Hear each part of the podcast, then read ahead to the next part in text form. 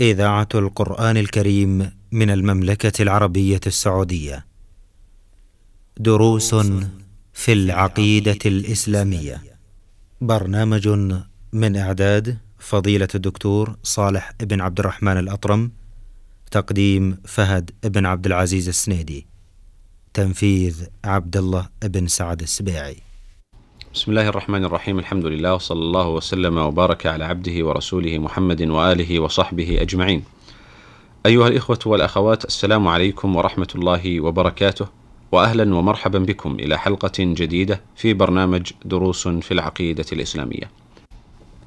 مع مستهلي هذا اللقاء نرحب بفضيله الدكتور صالح بن عبد الرحمن الاطرم عضو هيئة كبار العلماء فأهلا ومرحبا بكم شيخ صالح. حياكم الله ووفق الله الجميع لما يحبه ويرضاه. حياكم الله شيخ. نود الحديث في هذه الحلقة عن نوع من أنواع العبادة ألا وهو النذر. نتطرق إلى موضوع النذر. كما تطرقنا إلى أنواع العبادة الماضية صلة هذا النوع بالعقيدة كونه عبادة الأدلة الدالة على ذلك. كيف يقع الإنسان عن طريق النذر في الشرك إذا تكرمتم؟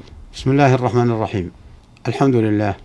وصلى الله وسلم على نبينا محمد وعلى آله وصحبه أجمعين. اللهم صل وسلم وبعد النذر معناه أن يلزم الإنسان نفسه ما لم يكن لازما عليه شرعا. نعم. هذا هو النذر. فمعناه أوجب على نفسه أمرا ما أوجبه الشرع عليه. ومعرفة النذر في, في المعنى هذا يتأكد لأجل يتضح ما سألت عنه. نعم. وهو صلته بالعقيدة. النذر قد يلزم الإنسان نفسه بالنذر عبادة وتقرب للمنذور إليه. للمنذور إليه. وقد يلزم نفسه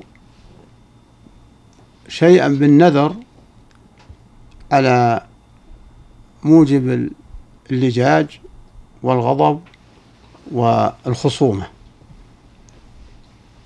ويجعله كيمين يلزم نفسه ليفعل ليفعل هذا الشيء. هذا لا يدخل معنا فالذي معنا هنا هي النقطة الأولى. وهو أن يلزم نفسه بذل مال لأحد أو لقبر أو لميت تقرب إلى الله أو يلزم نفسه أمرا يفعله ليرضي خلقا من المخلوقين أو يلزم نفسه أن يعمل معصية. ينذر على نفسه أن يعمل معصية. معصية. الذي قبلها الشيخ أن ينذر أن يفعل عملا يرضي به المخلوقين. يعني تقرب إيه. إيه كونها تقرب قربة. إلى المخلوق. نعم كونها قربة لا تجوز إلا لله. يتقرب إلى المخلوقين. نعم نعم. هذا لا يجوز إلا لله. نعم. و و والثاني آه، ير- يلزم نفسه آه، من أجل آه، لجاج أو غضب أو نحو ذلك كيمين. كيمين وليس تقرب. نعم. فإذا كان ما نذره فيه تقرب. لهذا المخلوق كسفك دم حيوان أو تقديم أموال أو آه، صلاة يصليها أو قراءة يقرأها تقربا. لهذا المخلوق فهذا هو الشرك. نعم. هذا هو الشرك. ووجه كون الشرك كون هذه القربة لا تصلح إلا لله. هذه نقطة. النقطة الثانية كون هذه القربة ليست لازمة فألزم بها نفسه كالطاعة التي ألزمها الله به. فألزم نفسه ليتقرب بها إلى غير الله. لذا صارت شرك. أي صرف أمرا لا يصلح إلا لله تقربا لهذا المخلوق فصار شرك. بدليل قوله تعالى يوفون بالنذر ويخافون يوما كان شره مستطيرا. إذا النذر واجب الوفاء به. نعم. فإذا كان واجب الوفاء به وهو منذور لغير الله للتقرب لغير الله أو لعبادة. فمعناه صرف ما أوجبه الله ما صرف أمرا لا يصلح إلى الله فبهذا آه، دخل في إطار آه، الشرك. ومن هنا قال الشيخ رحمة الله عليه باب من الشرك النذر لغير الله. المخلص من هذا أنه إذا نذر معصية فلا يفي بها. فلا يفي بها. وإن نذر طاعة فليفي بها. نعم.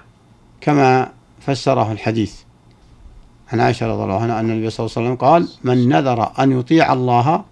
فليطعه ومن نذر أن يعصي الله فلا يعصه. فلو نذر أن يصلي في الضحى كذا وكذا أو في الليل فألزم نفسه نافلة. من النوافل فأصل الصلاة مباحة. نعم. فإنه يلزمه الوفاء لأنها طاعة. الله. أما المفروضة هذه واجبة من دون نذر. نعم.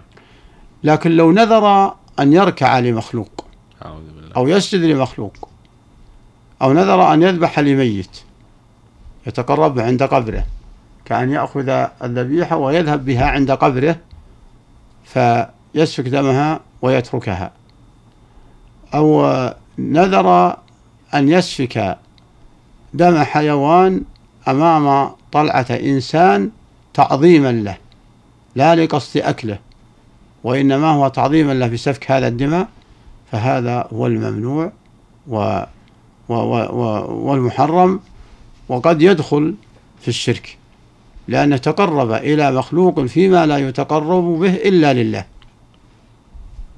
إلا لله. فنتنبه لمثل هذه آه، آه، الأمور. وقوله تعالى يوفون بالنذر هذا مدح للأبرار أنهم يوفون بالنذر. لكن لا بد وأن يأتي ما بعده ويخافون يوما كان شره مستطير مستطيرا. نعم. فال- والمعصية لله لا يصح الوفاء بها ولا يمدح من وفى بها. لكن إن كان قصده التقرب هذا هذا هو الشرك. وإن كان معصية ولا يتقرب كان آه، ينذر آه، معصية أبيه أو ينذر آه، زنا أو ينذر سرقة فهذا نذر حرام. لا يصح الوفاء به أصلا. و وإن اعتقد جوازه وأنه يتقرب به لمن نذر من أجله هذا أمر آخر مع التحريم زاده تحريم في الاعتقاد نعم. وإنما العلماء يتكلمون على النقطة الأولى وهو كون إلزام لأن لأن النذر هو أن يلزم الإنسان نفسه ما لم يكن لازما نعم.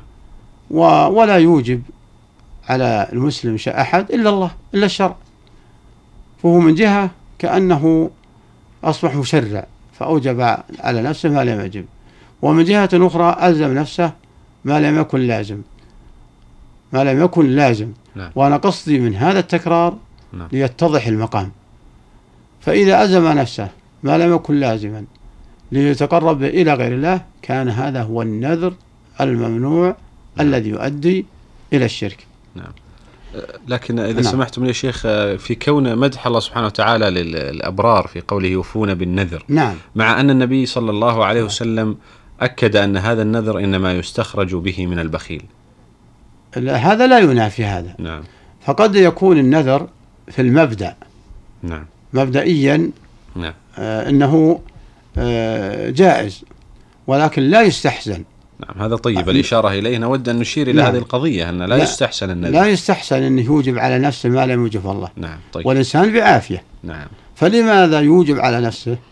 وكما هو المشاهد الآن والواقع آه، كثير ما يمر من الإحراجات صعوبة الوفاء على بالنذر. على هؤلاء الذين يبادرون بالنذور نعم. ثم يصعب عليهم الوفاء. المستعان. وهذه النقطة ال- في الحقيقة هي طرف في الموضوع. من نعم. حيث هو الوفاء بالنذر ومن حيث حكمه ابتداء نعم. لكن الذي يعنينا والتحذير منه هو الإلزام الإنسان نفسه أن يتقرب بنذره إلى غير الله نعم. هذا هو الحذر كما يوجد عند الخرافيين والجهلة الذين يتقربون به إلى الأموات ويتقربون به إلى الجن فيلزمون أنفسهم هذا هو الشرك الأكبر نستجير بالله نعم. فأما من حيث ال- الأحكام آه، المطلقة وهو قد وهو يحرم كأن ينذر معصية. و وقد يحرم الوفاء به. وقد يجب الوفاء به إذا نظر طاعة. نعم. فنذر أن يصلي أو نذر أن يصوم أو نذر أن يحج هذا نذر لله. نعم. فيجب آه، ال- الوفاء به. وقد يكون مباح كأن ينذر آه، لبس ثوب أو أكل طعام معين هذا لحكم إذا كان إذا نذر مباح فالحكم في الفقه. هو مخير بين أن يكفر كفارة يمين أو أن يوفي آه، أو أن يوفي بنذره. ففرقا بين النذر المباح والنذر آه، الطاعة.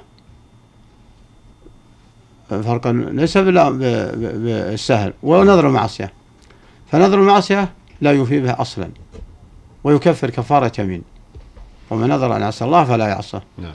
ونذر الشرك أن يتقرب به إلى غير الله. هذا لا يوفي به أصلا و... و... ويتوب. ويتوب لأن الشرك وقع في الشرك. ما تنفعه الكفارة.